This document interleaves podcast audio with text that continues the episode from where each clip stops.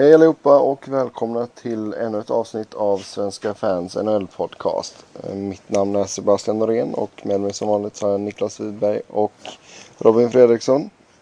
Hur är läget med er två? Det var fint tycker jag. Gott, gott. Uh, ja, nu har vi äntligen uh, kommit fram till finalen här. Det, det blir LA Kings och New Jersey Devils som gör upp om Stanley Cup-bucklan. Men eh, innan vi eh, ger oss in på den matchupen så tänkte jag att vi börjar med lite nyheter. Och eh, en grej som vi fick, kunde läsa nu det var ju att Jonny Oduya skrev på ett nytt kontrakt med Chicago. Niklas, har du lite mer info om det? Mm, han eh, kritade på ett treårskontrakt med en capita på 3,375 miljoner dollar. Då. Och eh, det var ju visserligen en eh, lite liten sänkning från hans tidigare kontrakt som var på 3,5 eh, miljoners capita. Men eh, det, det pratas lite här över natten då om om han faktiskt var överbetald tidigare eller om han eh, medvetet tog en lägre lön för att få vara kvar i Chicago. Uh, vilket jag kan tycka är en väldigt konstig frågeställning för jag tycker att han var rätt så brutalt överbetald tidigare. Mm. Och jag tycker fortfarande han är det. Ja, alltså man, jag kan väl se att han fick de pengarna när han är i ett lag som Winnipeg men uh, Nej, jag tycker ja, han är... där är en sak. Ja, men som du säger, jag tycker också att han är brutalt överbetald alltså. Sen, är, sen kan jag förstå att han vill stanna i Chicago. Och eh, han var nog inte sen med att skriva på kontraktet när han fick det framför sig faktiskt.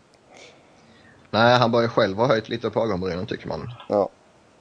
Men... Visst, han är, ingen, han är ingen dålig spelare på det sättet och jag menar det är en klockren NHL-spelare, det är ju inget snack om saken. Men eh, han är väldigt, väldigt endimensionell i sitt spel tycker jag. Och efter att ha haft några starka säsonger i Devils för, ja vad blir det, fyra, fem år sedan.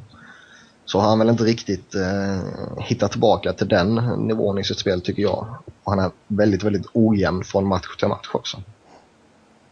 Ja, det, det ursprungliga stora kontraktet skrevs ju i Devils och där var han väl Där var väl inte så konstigt att han fick 3,5 över några år. Det kan man väl köpa, men... Eh, sen har ju den lönen hängt med i både Atlanta och Winnipeg och där har han inte varit så jäkla bra. Och eh, i Chicago så har han inte varit speciellt, speciellt bra heller tycker jag, men... Eh, ja, att, att han skulle åka på en sänkning visste väl alla, men jag trodde nog att den skulle bli betydligt större än det där.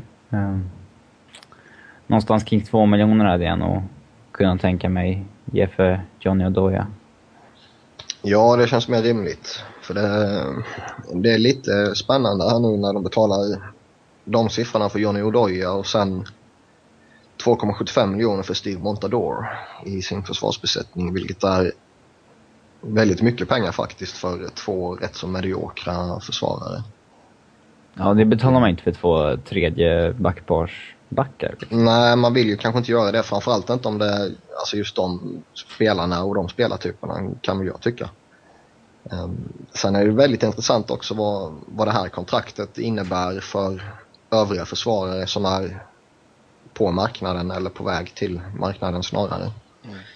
Uh, med tanke på att priset för backarna förväntas bli rätt så högt. Med tanke på att det inte finns jättemånga jätteattraktiva försvarare tillgängliga sen när portarna slås upp den första juli. Mm. Jo, det är nog ett, ett par agenter som kan komma och uh, hänvisa till Odojas kontrakt. Ja, ja, och det med rätta. För han, strax under 3,5 miljoner så finns det ju en hel del försvarare som kan uh, argumentera väldigt starkt för att de ska ha ytterligare några miljoner.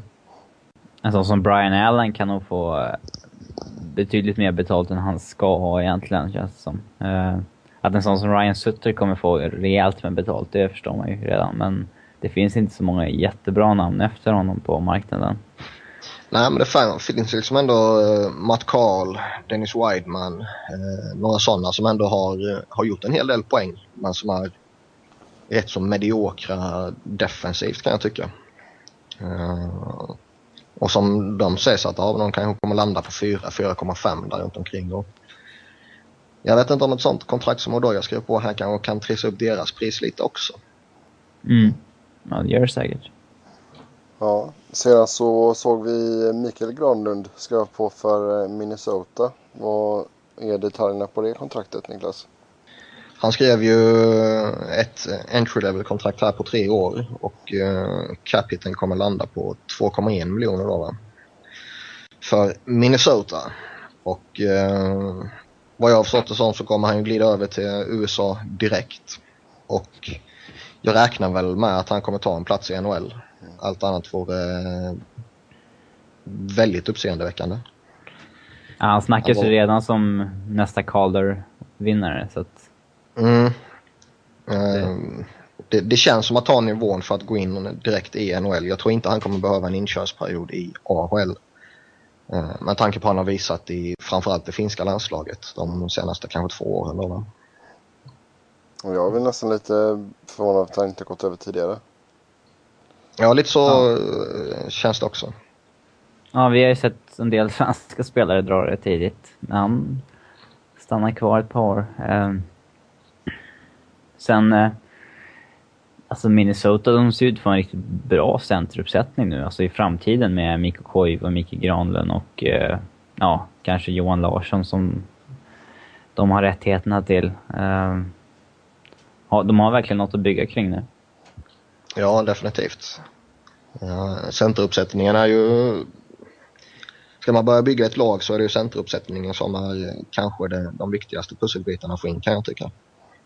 Ehm, och det är väl oftast, eh, eller allt som oftast i alla fall, en, eh, en gemensam nämnare i eh, alla starka lag. Att man klarar sig rätt så bra på mediokra ytterforward som man har väldigt duktiga centrar och i en backbesättning kan man alltid kan man alltid anpassa taktiskt uh, utefter vad man har men, men centrar behöver man ändå spelare som kan bära laget offensivt och spelare som kan bära laget defensivt och utan det så, så blir det väldigt svårt att nå framgång. Uh, nu har de ju något, något väldigt spännande på gång i, i de här tre som du nämnde och i dagsläget har de ju, alltså de har en sån som Matt Callan som, som inte är dålig heller. Som, som mm. kommer in och göra mycket nytta för dem också. Ja, det, blir, det ska bli väldigt intressant att se Granlund faktiskt. Jag, eh, han är ändå så lite av en eh, showman också så det tror jag nog att publiken i Minnesota kan uppskatta. Verkligen. Har vi något mer kontrakt att prata om?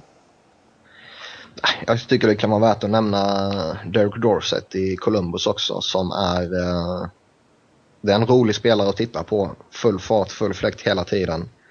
Eh, viker inte ner sig en tum trots att han är eh, relativt liten. Som skrev ett treårskontrakt med Blue Jackets och får en capita på 1,6 miljoner och eh, jag tycker det, det är skoj att han får det kontraktet. Okej. Okay. Då tänkte jag att vi skulle prata gamla målvakter. För eh, det ryktas nämligen att Dominik Hasek kan vara på väg tillbaka till NHL. Vad är spontana reaktionen på, på de uppgifterna? Ja. ja, vad, vad, kan man säga? det, det vore jäkligt häftigt. Det vore jäkligt häftigt, men eh, jag tror eh, att eh, det, det, är att riskera väldigt mycket av hans anseende att göra comeback. Även om han ändå gjorde det helt okej okay i, i tjeckiska ligan och, och helt okej okay i KHL under de, de åren här senast nu så 47 bast, gå in och spela i NHL. Ja. ja det känns ju inte riktigt som att han skulle få första spaden i något lag direkt. Nej, men det kan han inte räkna med. Men eh, jag vet inte, alltså finns det något lag som kanske sitter på någon yngre målvakt eller ett par kanske yngre målvakter så kanske det, de vill ha in lite rutin och jag, menar, det, jag tror nog att det skulle nog ge en del att få träna varje dag med Hashakin då. Ja, både ja och nej egentligen. Uh, fantastisk målvakt givetvis, men sen samtidigt har han ju inte en teknik som han kan lära ut till, uh, till andra målvakter med tanke på att han inte har någon teknik. Utan att han, han bara står där och, och stoppar puckarna genom att uh, hoppa och studsa och snurra och rulla och hålla på liksom. Sen gjorde han det fantastiskt bra så liksom jag, ingen kritik på något sätt men eh, Det, det, det känns som ja, både ja och nej på den frågan. Realistiskt sett då, vilka lag skulle kunna vara intresserade av Hasek? Det vore coolt om han gick tillbaka till Buffalo. Tog andra spaden bakom Ryan Miller. Men... Eh, ja, jag vet inte vilka som... Skulle vara om Tampa Bay blir riktigt desperata. Men de bör nog kunna lösa det på ett annat sätt. Um, ja, jag vet inte vilka som... Om det blir något lag som tar honom så blir det av ja, nostalgiska skäl. Toronto? Ja, typ. Det hade inte varit helt omöjligt tror jag. Nej, det här, som sagt, det hade varit en kul grej men sen vet man inte riktigt hur det är. Är som Niklas säger, det kan ju kosta mer än vad det smakar. Ja, alltså nu, nu minns man ju fortfarande Dominik Hasek som uh, en av de bästa målvakterna genom tiderna och som höll en väldigt bra nivå. Alltså så sent som, som 07-08 ändå när han gjorde sista rycket i, i Detroit i NHL då va. Och sen har, har det pratats lite i, i Ryssland och Tjeckien då att um, gubben kan fortfarande. Men skulle han göra comeback nu och det skiter sig då är ju, kommer ju alla minnas den här comebacken. Och den kommer ju överskugga allt det fantastiska han har gjort i sin karriär. Ja, sen tänkte vi prata lite snabbt om eh, Martin Brodeur också. Här, senaste uppgiften är att han inte kommer att lägga av. Som det verkar nu i alla fall. Är det, ska han fortsätta köra? Ja, det tycker jag. Uh, han hintade ju lite om att uh, skulle det bli en lockout så uh, lär han inte komma tillbaka. Om det blir en längre lockout. Um, så det blir ytterligare en anledning till att hoppas att det inte blir lockout. Han, eh, han har ju haft lite upp och ner här de senaste åren kan jag tycka. Men ja, även början på denna säsongen. Men eh, de senaste månaderna och inte bara slutspelet inkluderat utan lite slutet av grundserien också så, så har han lyckats snäppa upp det till en, till en väldigt bra nivå och framförallt under slutspelet har han varit riktigt duktig. Sen har han haft lite, eh, lite, lite dippar också men eh, snubben är 40 år så det är inte konstigt heller. Sen vore det ju jävligt mäktigt om han skulle lyckas ta Devils till eh, en Stanley Cup-titel här och eh, lägga ner med karriären på topp igen så att säga. Ja. Jag tycker att det är konstigt att han går ut och säger att han ja, ser ut att fortsätta. Jag hade nog, om, om de hade vunnit nu så tror jag hade, hade jag nog lagt av om jag var honom. För att avsluta med en Stanley Cup-titel. Eh, eventuellt fortsätta om de, om de torskar finalen. Nej, men han säger ju det att han fortfarande tycker det är roligt liksom. Att han kommer hålla på så länge han tycker det är, det är roligt. Det... Ja, och jag menar så länge han håller den här nivån så kommer det inte vara något snack om att Devils liksom kommer vara villiga att erbjuda honom nytt kontrakt. Eh, så han behöver inte oroa sig om det. Nej. Eh, och jag, jag, tror inte att varken Devils eller ja, Devils som organisation eller Lula Morello då GM kommer, kommer köra hårt mot honom på något sätt utan vill han spela vidare så ja, då kommer han få ett kontrakt. Men där känns det väl ändå som att man borde ta in en yngre målvakt bakom Brodor. Alltså jag gillar Johan Hedberg som fan men där är ju verkligen, alltså man borde egentligen ha någon som verkligen skuggar Brodor och tar åt sig så mycket de bara kan. Det, jo, det kommer bli ett jävla hål att fylla där sen alltså. Jag håller med, men sen ska man veta också att det, det är inte alltid helt lätt att, att vara backup bakom en sån som Brodor som han vill spela extremt mycket. Sen har han inte gjort det de senaste åren, två åren här just på grund av han börjar bli lite äldre och har haft lite skador då va. Men får han bestämma så vill han i princip spela 82 matcher. Och eh, det kommer han givetvis aldrig göra. Men det krävs ändå en speciell sorts eh, backup-målvakt för att kunna ta att ja, man får gå in och spela lite här och där och när jag väl spelar då, då måste jag vara bra ändå liksom. Och Johan Hedberg har ju visat genom hela sin karriär att han klarar det. Framförallt de senaste åren har han visat en väldigt hög nivå i det. Jag vet inte, hade jag... Det... Men det är klart, det, det beror väl lite på man, hur, vad man har för mindset också. Jag menar, hade jag varit ung målvakt och någon hade sagt att ah, du får vara två bakom Bredor, då hade jag sagt okej, okay, fine. Ja, alltså säg nu, nu, nu får du vara backup bakom Martin Brodori i, i ett eller kanske max två år. Uh, är du redo att ta det innan vi satsar på dig? Mm. Ja, då är man kanske dum om man säger nej liksom. Um, sen samtidigt så är det ju kanske inte helt lätt att, att gå in i den situationen som organisation då um, till en, en målvakt som, med tanke på att de inte har någon målvakt uh, egentligen som kan ta över efter Brodor inom sin organisation så bör det ju bli genom trade eller free agency och det är inte säkert att man alltid kan, kan få den diskussionen på det sättet man vill Nej. uh, med en målvakt som kommer utifrån. Nej, nej, det blir alltså det. Jag tror inte att det kommer bli så utan New Jersey kommer få plocka in, försöka plocka in en, en etablerad målvakt sen när Bredor väl lägger av. Men Mm. hade man varit smart så hade man liksom haft ett, ett ungt lufte och sen ja, gett honom självklart matchning ja eller ett tag och sen flyttat upp honom så han fick skugga då lite. Mm. Däremot kan jag tycka att det, man bör kanske överväga om man ska ta tillbaka Hedberg eller inte. För det är väl kanske inte det mest optimala att ha två 40-åringar som första och andra keeper kan jag tycka. Men den, mm, andra målvakten bör man kanske föryngra något. Sen behöver inte det vara en 22-åring men en 33-åring är ju en jättefyngring i det fallet. Ja, alltså det är ju farligt att ha för gamla målvakter för att liksom någon gång så kommer ju en, alltså en dipp bara sådär liksom. Bara kolla på Rollerson i år till exempel. Mm. Som var verkligen en helt okej målvakt i fjol men nu är han säkert ihop helt liksom. Ja. Ja, nej som sagt det är inte lätt. Det är väl därför vi inte är general managers. Ja, jag borde vara. Ja, du får väl höra med Philadelphias AHL-lag där. Då. Ja, fan det ska inte vara något problem. Det Ja, löser vi. jag tänkte i och med att eh, sen senast vi pratade då så blev ju New Jersey klara för Stanley Cup-final. Eh, de skickade ut New York Rangers med eh, 4-2 i matcher.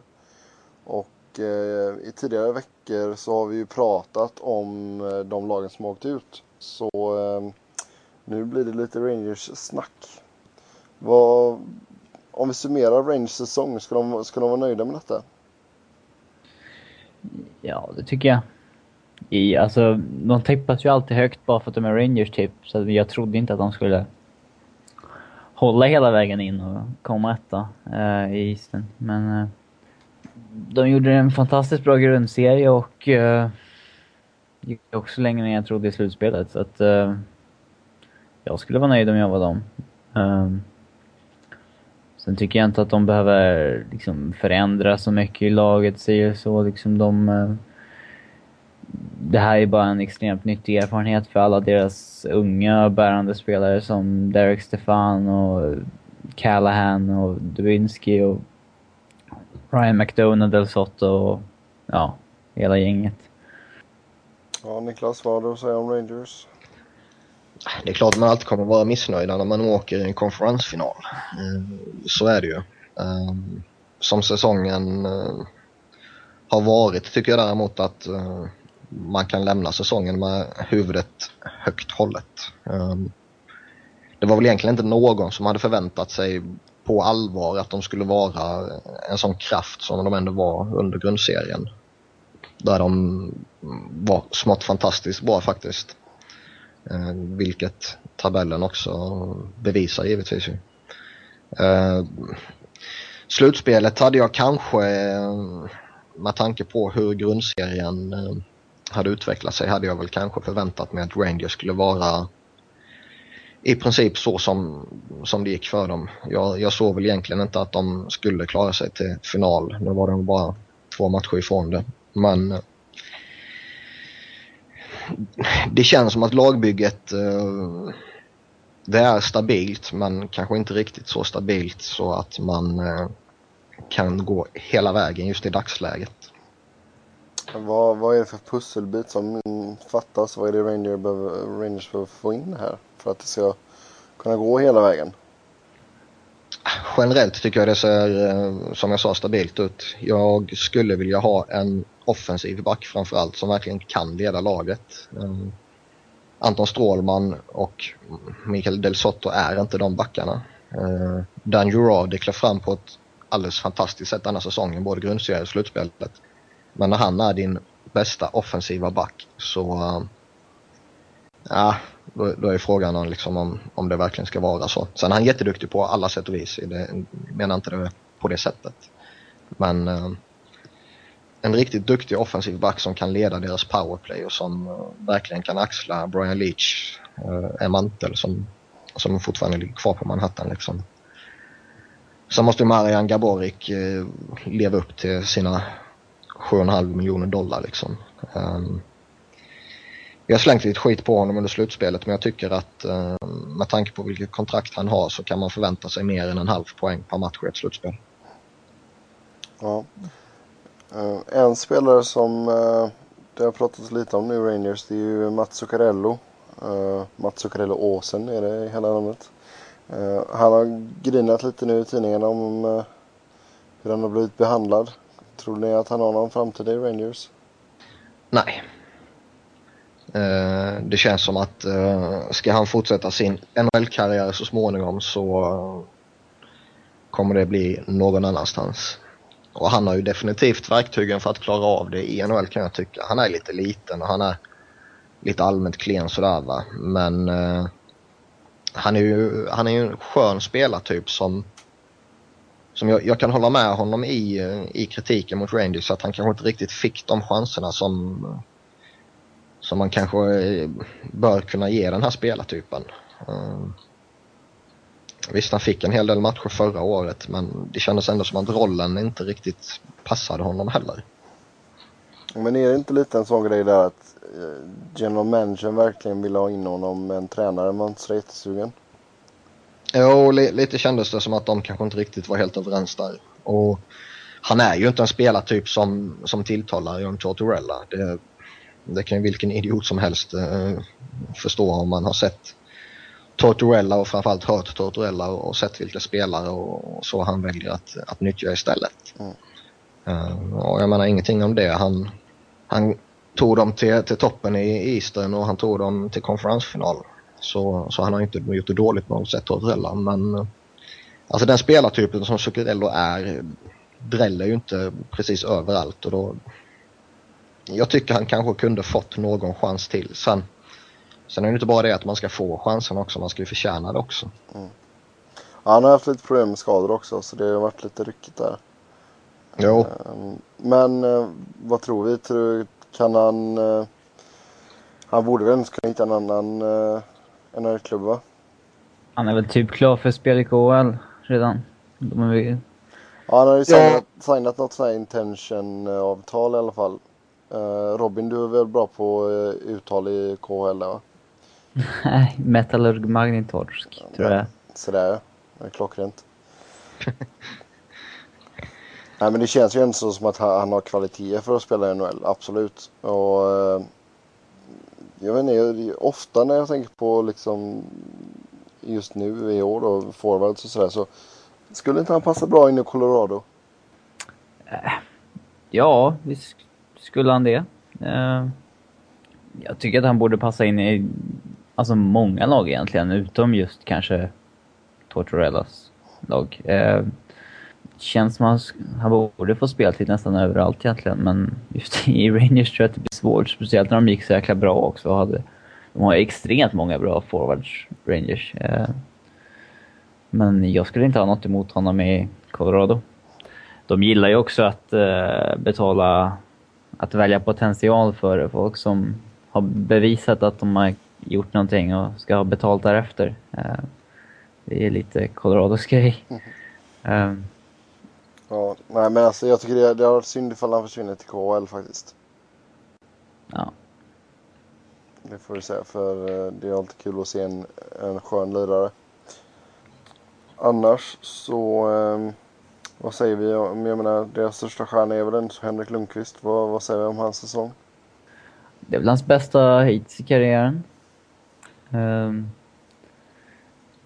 I år har han ju fått betydligt mer hjälp från eh, övriga laget. Det har ju hjälpt hans siffror en del. Eh, 93% i både slutspelet och i grundserien. Ehm, så att eh, jag tycker att det här är hans definitivt hans bästa säsong i karriären. De har ju inte behövt bära laget på samma sätt som tidigare heller. När de har fått in en ja, ett bättre lag i övrigt sen en mer pålitlig backup-målvakt. Än de haft tidigare. Tror, tror du han kommer ta hem några troféer nu eh, när det blir prisutdelning? Ja, det borde han va. Vesina Trophy eh, tycker jag att han borde ta hem. Um, Hart Trophy är väl lite... Ja, sådär men det kan jag förstå om man inte vinner. Men uh, Vesina Trophy borde han ta hem, garanterat. Ja, garanterat vet jag inte, men han är, får väl inte så... Ja, jag, jag, som... jag tycker Vetsina är rätt så givet att han ska ha den. Eh, det var ingen målvakt som var lika bra som honom sett över hela säsongen. Sen var det en hel del målvakter som var lika bra som honom under en kortare period. Um, framförallt Jonathan Quick kanske. Um, men jag tycker Henke på, på något sätt höll en, en högre och jämnare nivå sett över uh, från, från match 1 till match 82. Och just det faktum att han, han tar Rangers till till en första plats i Eastern väger in rätt tungt också när man jämför med, med vad de andra målvakterna har gjort. Mm. Framförallt då med tanke på att slutspelet inte inkluderas i, i den där bedömningen.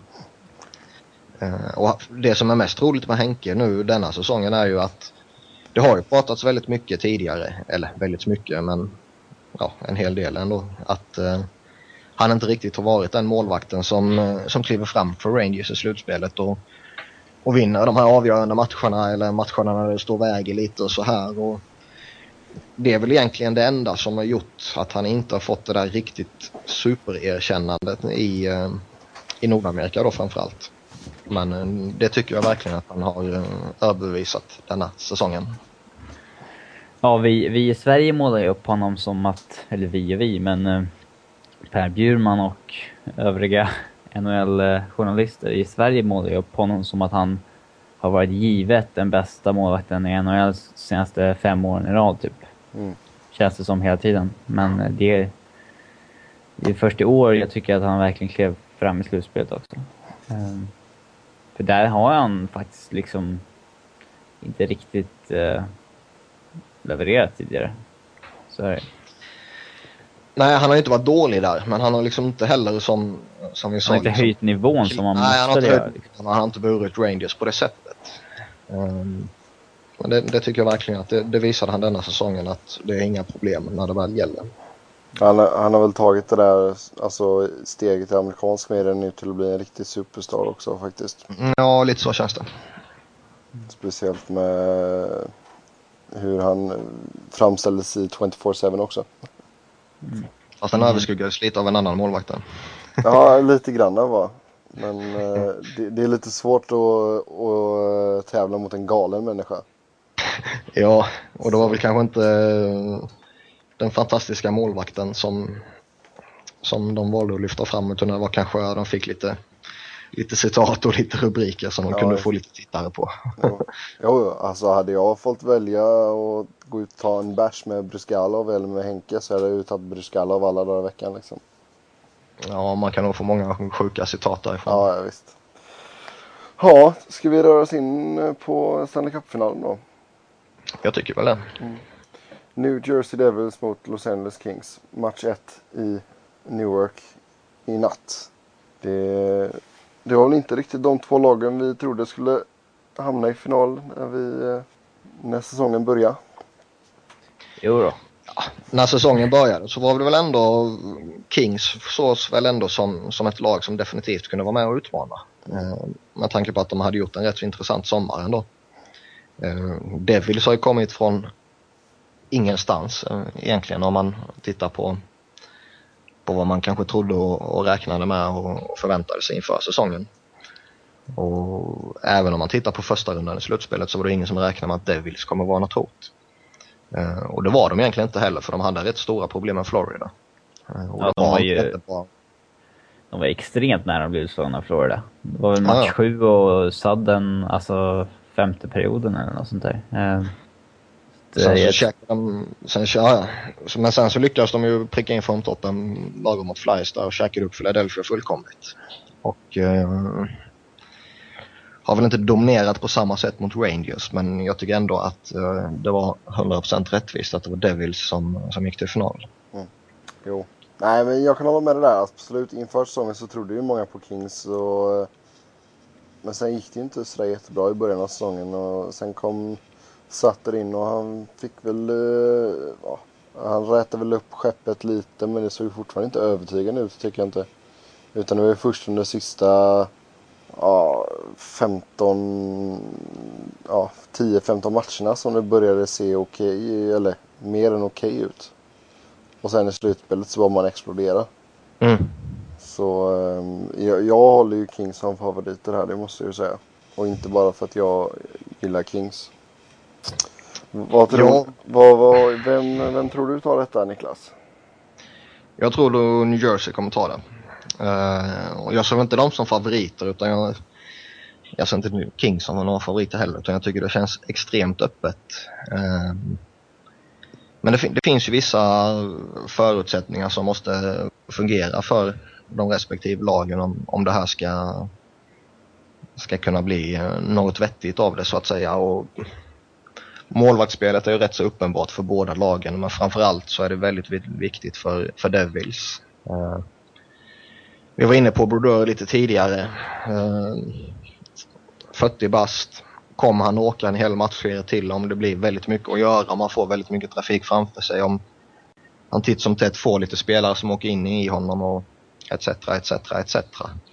Uh, åker han hålla de här två veckorna ut så då tror jag att Devils eh, kommer dra det längsta strået. Ehm, jag tror att deras fantastiska forechecking, om de har lyckats bibehålla den, eh, kommer käka upp Los Angeles. Och eh, Devils har pusselbitarna för att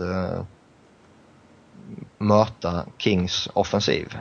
Ehm, de har möjligheterna att ställa upp mot två stycken toppkedjor och jag, jag, tror att eh, det, det, kommer att bli det viktiga för, för Devils så jag tror att Martin Brodeur kommer ta dem till den i Stanley Cup-titeln. Robin, vad är dina tankar? Uh, det jag tänker mest på är väl att Devils har haft tre matcher som har verkligen varit tuffa. Alltså, Florida gick till sju matcher och uh, ja, sadden i sista och det var jävligt dramatiskt liksom. Sen så... Eh, Philadelphia körde de visserligen över, men det var ändå en tuff match det kändes det som.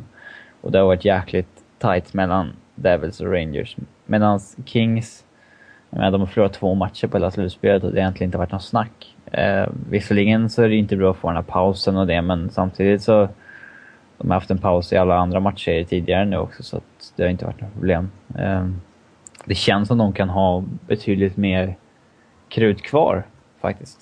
Så jag tror nog att uh, Kings, de känns lite fräschare och uh, de, jag tror inte att de har några skavanker på, några större skavanker i alla fall på sina stjärnspelare. Uh, Devils så vet man ju att Kovacak är skadad till exempel. Uh, och det syns ju i vissa matcher att han inte är helt frisk.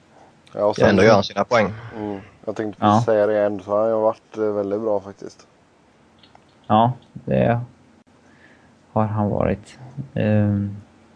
Sen är det ju en gemensam sak som de här två lagen har och som de har haft genom i princip hela slutspelet. Det är ju att deras bästa spelare har verkligen varit deras bästa spelare här också. Tittar man på Devils så har Kowalczuk, eh, om man bortser från från vissa sekvenser där, där han, som, som Robin sa då, har haft lite skadeproblem så har han varit väldigt duktig, eh, tycker jag. Och han har producerat framförallt. Eh, sen har du de här Paris och Sajak och Elias har ju varit väldigt duktiga genomgående. Eh, Martin Brodeur givetvis. Mark Sedlishko har varit ett, ett jättefynd för dem. Eh, tittar man på King så har Kopitar Richards varit eh, ledande för dem på alla sätt och vis. Dustin Brown har klivit fram som en helt fantastisk eh, powerforward och en hel del viktiga backar har klivit fram och sen Jonathan Quick är ju, eh, ja han är ju som han är liksom. Mm. Ja, det blir ju som sagt det, det kommer nog bli en väldigt spännande matchserie och sen med tanke på hur, eh, hur Kings bortaspel har varit så känns det ju inte riktigt som att eh, den här hemmafördelen som New Jersey har kommer att spela in sådär jättemycket faktiskt. Nej. Eh, en sak som jag kan tycka ska bli väldigt intressant här det är ju alla resor fram och tillbaka. Eh, Los Angeles är ju bevisligen mer vana vid alla de resorna med Mm. tanke på att man spelar i Western Conference. Eh, och redan i slutspelet fick göra några resor, typ St. Louis då va. Mm. Eh, Medan Devils eh, inte är på samma sätt eh, vana vid att ta de där resorna hela tiden fram och tillbaka och, och allt vad den stressen innebär. Även om de har en hel del spelare som har varit med väldigt mycket så, så ska det bli eh, det, det kan bli avgörande också lite hur, hur de två lagen tacklar just det, den biten av, av spelet som inte ingår i spelet om man ska säga så. Jo, sen alltså egentligen alltså de snackar om resor och så här, men det, det är ju inte så att de flyger ekonomi direkt. Nej, det är ju inga jobbiga resor på det Nej, sättet. menar, de har- De har egna plan och allting och de slipper ju gå igenom eh, säkerhetskontroller och allt sånt där tjafs. Och, Ja, nej, man behöver inte bry sig på det sättet. Nej. Men, just liksom att uh, återhämtning efter matcher, hur man Mm. klarar det och, och, Jo, och hela den biten. Där, där, där känns det kanske som att Kings har, har en liten fördel. Sen, sen har fördelarna så pass uh, betydande att det kommer påverka matcherna någonting. Mm. Ja, det får man väl se helt enkelt. Ja. Jo, men sen har man ju också, man, man har ju så, första matchen är ju då natten till torsdag. Men sen är ju inte match två förrän natten till söndag. Nej, de har ju lite, lite vila mellan olika matcher. Så, Så, det, är ju, Men det- det är ju egentligen bara mellan match två och match tre där. För match två är ju natten till söndag då. Sen är match tre natten till tisdag. Och det är då man flyger till LA också. Så det är, då kan jag väl säga att det spelar in lite. Mm. Men sen är det ju som sagt match, match tre natten till tisdag, match fyra natten till torsdag och sen en, om det behövs då match fem är inte förrän natten till söndag igen då. Så nej men det, är- det är klart att det kan spela in med resor och sådär och det är som du säger, Kings är ju vana. Jag menar man har ju Dallas i Pacific och det är, det är inte direkt nära egentligen. Nej, precis. Så eh, ja, vi får se. Annars om vi, eh, om vi bortser från de eh, liksom givna stjärnorna och sådär. vi- vi- Vilka spelare tror ni kan, kan ha en avgörande roll i den här serien? Det ska ju bli väldigt spännande att se hur Devils hanterar situationen med Henrik Tallinder. Eh, som i grund och botten är en, eh, en väldigt duktig försvarare tycker jag och som eh, när han är frisk är given i deras backbesättning. Men snubben har ju inte spelat sedan uh, mitten av januari. Prosit! Nej. Ja. Jo, men, men, men snubben, har- ja, snubb, snubben har ju inte spelat sedan mitten på januari och ehm, frågan är om man vågar sätta in honom. Eh, har han matchtempot i benen och i, i lungorna då att han, han klarar att gå in i en Stanley Cup-final rent fysiskt. Um, egentligen finns det bara ett sätt att få reda på det och det är att sätta in honom i, i matchsituation. Frågan är om han vågar göra det. Ehm, Klarar han av det så är det en jätteförstärkning de får inför eh, finalen här nu. Klarar han inte av det så kan det i princip kosta dem en match. Mm. Och det har man inte råd med. Så den, den situationen ska bli väldigt, väldigt intressant att se och eh, ska man lyfta fram någon som, som redan är eh, en av deras eh, friska spelare så att säga så är väl det David Clarkson kan jag tycka. Ehm, som har utvecklats väldigt fint de senaste åren här och nu är en powerforward av klass. Som, han är viktig för dem i, i väldigt många aspekter och eh, han bör kunna kliva fram i en finalserie tycker man ja, i Kingston var vi där. Vem, är, vem kan vara en liten joker? Men en sån som Jarrett Stoll tycker jag ska bli spännande att se. Uh, han får en, en av naturliga skäl en väldigt undanskymd roll bakom Kopitar och, och Richards och, och Carter och, och Williams och uh, vad heter han, Dustin Brown.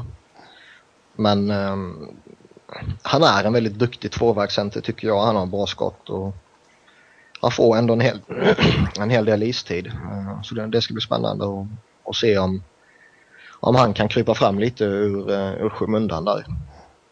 Ja, och sen... Det ska bli intressant. Min, min favorit också, Simon Gagné. Se lite vad som händer med honom. Um, han säger sig vara redo för att göra comeback. Men det är ju lite samma sak med Matta Linder-grejen. Att vågar man sätta in honom? Mm. Och vad kommer det innebära? Jag vill ju jättegärna han ska spela för det är som sagt en av, en av mina allra största favoriter. Och jag skulle verkligen unna honom en, en kupp.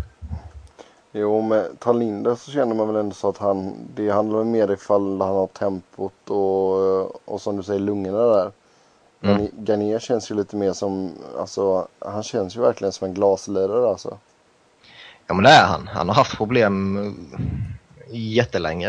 Uh, och nu när han dessutom börjar få rätt så seriösa hjärnskakningsproblem på det liksom så Ja man vet inte, han kan spela i, i fem år till och vara en fantastisk forward eller så byter han om i match ett och sen får han en tackling och sen är karriären över och han har problem att leva ett normalt liv liksom. Mm. Um, men som sagt, lyckas han hitta formen igen så är ju det en, en forward som kommer få, eller kommer få, som kan få en väldigt stor och väldigt viktig roll i en Stanley Cup-final. Ja. En sån som eh, Jeff Carter kommer ju alltid vara en, en joker också. Man vet ju att han inte är någon slutspelsspelare. Det har han ju aldrig varit. Uh, han har aldrig klivit fram i slutspel, men... Uh, han kan blixtra till en match då och då och göra två, tre mål. Uh, det har han ändå i sig på något sätt. Och han har inte varit en av deras ledande spelare hittills i slutspelet, men bör och... Alltså ska väl ändå kliva fram när det är final tycker man. Och han bör blixtra till i någon match eh, och göra en två, tre mål. Det tror jag han kommer göra. Eh, sen så blir det intressant att se om Dustin Penner kan fortsätta hålla den här nivån som han hållit hittills i slutspelet. Det trodde nog ingen att han skulle göra. Uh, nej, nej. Det är, det är många Kings-fans som, som fortfarande undrar ifall det är samma människa som är på isen liksom. Så, uh, nej men alltså Niklas som du sa där, Jared Stoll tänkte jag också på där faktiskt. Uh, hans, han är ju en jävligt bra tekare också. Det, det kan bli väldigt viktigt med tanke på hur, hur bra Devils forechecking är som sagt. Så mm. jag menar får man en tekning i offensiv zon och det är ju släng in stål, vinden bak till backen och bomba skott liksom. Det, jag tror nog vi kommer få se en hel del sådana grejer. Faktiskt. Och sen slänga in Penner med hans fin, fina skägg där framför Bredor. Ser ingenting. Nej, skägg, skägget hänger över så. Nej, det blir bra. Nej, men jag tror alltså det, det, det är nog en väldigt viktig grej. Alltså det är få in folk framför Bredor och vara på honom lite. Alltså inte oschysst utan... Nej, men typ som Avery gjorde. Var... Nej, men alltså det, det, är ju som, som vi alltid säger, det är alltid en jätteviktig del av spelet att just mm. få in folk framför mål. Mm. Men alltså jag, jag, vill nog säga att det är så otroligt mycket mer viktigt att Kings spelare gör det framför Bordeaux än att uh, Devils gör det framför Quick. Mm. Uh, men, alltså det kommer ställa till problem för båda, uh, eller för vilken målvakt som helst, oavsett liksom tidsepok och, och hela den grejen. Ja. Men uh, alltså framför en 40-åring så blir det ännu viktigare att göra det. Nej men jag känner inte så att Kings har en så en, en par, tre sådana spelare. Ett Penner, ett King, eh, Clifford. De har spelat som, som ändå så är stora och jobbiga att ta bort framför en målvakt. Så eh, det kan nog bli en väldigt viktig del av det faktiskt. Har, ja. Sen har vi en rätt så intressant matchup också. Det är ju special teams. Mm. Där eh, Kings powerplay har varit bedrövligt. Eh, men å andra sidan har New Jerseys penalty killing inte varit allt för hett heller. Kings powerplay ligger på 8,1 procent och, och Devils penalty killing på 74,2 procent. Eh, två mediokra uppställningar där som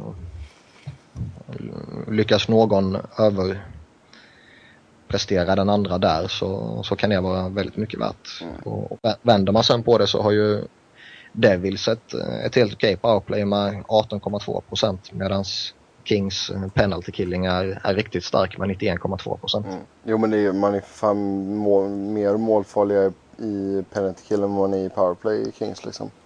Ja, ja. Så...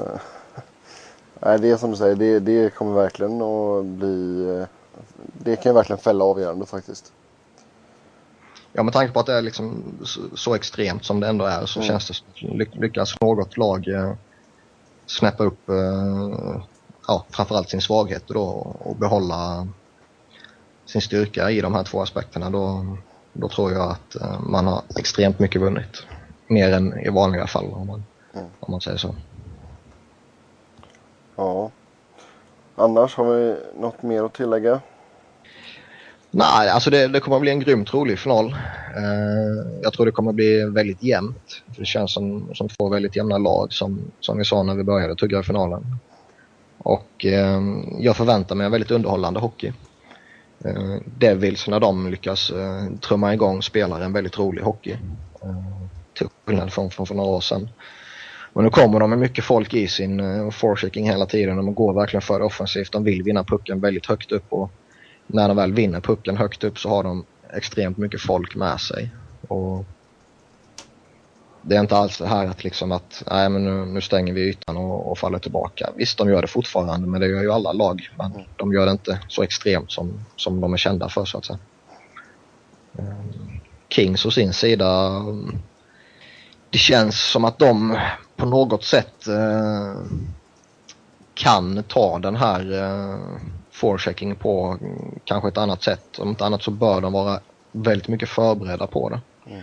Med tanke på att Devils, eh, ja man bör väl ha tittat på hur de spelar tycker man. Ja, de har haft en ex, extra dag på sig här och gå igenom videoband och grejer. Ja, precis. Eh, Så man bör vara förberedda på det. Man bör också vara förberedda på hur man ska dumpa ner pucken i Devil Zone. Eh, vilket man kommer göra och vilket man kommer behöva göra. Eh, då måste man dumpa den så att Brodor inte kan gå ut och spela pucken. För då kommer han, vilket han gjorde extremt effektivt mot Philadelphia, ta bort hela den forecheckingen som är på väg in i zonen. Eh, utan man måste dumpa den stenhårt i plexit så att han inte kan gå ut och få tag på den eller så att han bara kan gå ut och, och liksom stanna den med, ja, med överkroppen liksom. Eh, eller så måste man dumpa den diagonalt. Mm. Så den hamnar i ett sarghörn och ligger kvar där så att han inte liksom får gå ut och spela den. Och sen tugga på med sin forechecking. Um, börjar man bara dumpa den rakt eh, lite på halv, uh, halvhjärtat rakt ner i zonen kommer man gå ut och spela den och den möjligheten ska man inte ge honom eller Devils för det kommer straffa sig. Ja, absolut. Eh, med tanke på hur bra Bro- Brodeur är med klubban så är det ju att skjuta sig själv i foten om man gör det. Mm. Hur lång tid tror vi det tar innan Dustin Brown kommer att skicka in en rejäl tackling på Kowalczyk då? Alltså det är ju någonting man bör satsa på redan i första bytet. Eh, alltså just sätta ton och sätta liksom, eh, säg respekt både som lag men framförallt kanske som individuella spelare. Eh, Dustin Brown är ju givetvis en sån spelare som kommer gå stenhårt för det. Eh, Mike Richards kommer göra det också. Eh, sen har du lite några av de här mindre glamorösa, typ Willie Mitchell kommer nog satsa rätt hårt också. Clifford och... och, ja, Clifford och Noland och, och Lewis och, och King och, och liksom ja, alltså he, hela den bunten där också medans eh, i Devils är det kanske framförallt då Clarkson som vi nämnde tidigare. Jag kan se en Bryce Salvador kommer nog göra någonting. Anton Volchenkov. Eh, ja, eh, det finns några där också som, som definitivt kan kliva fram och, och proppa lite spelare på det sättet. Och det bör man satsa på väldigt tidigt och, och ge sig efter motståndarens stjärnor. Sen menar inte jag att man ska göra något dumt så man får fem minuters numerärt underläge mot sig. Men eh, smälla honom och, och direkt visa att tror inte att du ska få en enkel resa här liksom. Nej, Kovacak borde ju få... Han borde nu vara på så fort han har pucken. Ja. Eh, speciellt med tanke på att han Ja, är skadad också. Ja, men det, det känns väl lite som att Kings är lite tyngre när det kommer till det fysiska spelet. Det, det, det får man inte säga. Ja, både och. Eh, man ska inte underskatta Devils i den aspekten för när de väl kommer då kommer de med en jävla fart och en jädra kraft alltså. Och det, det är inte så att... Är för... Ja, det fick de erfara och, och Rangers fick erfara det också, även om det inte blev lika brutalt det där. Mm.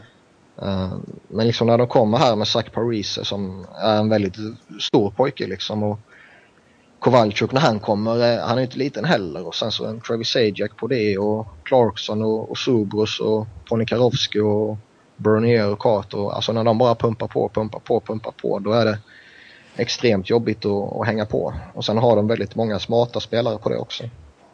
Ja, en sån som Subers tycker jag, jag har inte haft så jättestort, gott öga till honom tidigare men jag tycker de gångerna jag sett honom i slutspelet i år så har han varit riktigt jäkla jobbig att möta alltså. Ehm, han har varit grym i slutspelet. Ja. Eh, Clarkson tycker jag har varit grym också. Kovacak, han är ju liksom... Han kan ju spela om, som Ovechkin om han vill, men han brukar inte orka och tacklas i grundserien. Men i slutspelet så får vi se den... Den, eh, ja... Den spelaren han kan vara, när han vill. Jo, det är sant. Ja, och fortsätter han leverera poäng så. Ja. Ja. Jag tänkte vi får väl avsluta med att uh, ge våra tips. Uh, Niklas, vi vet redan att du tror att Devils vinner, men uh, i hur många matcher? Ja, jag som sagt tror på Devils och jag tror det kommer bli en, en relativt lång matchserie på minst sex matcher. Um, så jag säger 4-2. Robin? Jag säger 4-3 Kings. Och jag säger 4-2 Kings. Gött, då har du jinxat dem Sebbe. Jag har inte gjort det. Jag har haft rätt hela vägen. Så det är en, vi kan redan... Nej, det kan vi inte. Jag ska inte, inte säga något dumt här nu. uh, men uh, som sagt. Gillar att vi kan, med säga. vi kan se fram Jag har inte jinxat. Ja. Så, så vi kan lika gärna ta... Nej. Ja, nej. nej då. Uh, som vanligt så vill ni snacka hockey med oss så kan ni göra det på Twitter Twitter eller i forumet såklart på Svenska fans eller i kommentarsfältet. Men eh, Twitter, är, Twitter då vet vi att vi får det liksom. Uh, mig kan ni följa på Seb Noren i ett ord. Niklas hittar ni på Niklas Wiberg i ett ord, Niklas med C. Och Robin hittar ni på R underscore Fredriksson. Sedan så eh, fortsätter jag att plugga för uh, hashtaggen Svenska fans NHL podcast i ett långt fint ord. Uh, skicka in frågor, funderingar, har ni frågor så kan vi försöka ta upp dem i programmet. Uh, tills nästa vecka så hoppas jag att uh, ni får se en hel drös med jämna och bra hockeymatcher här mellan Kings och Devils. Och så hörs vi snart igen. Ha det gott. Hej! Hej hej. Hej.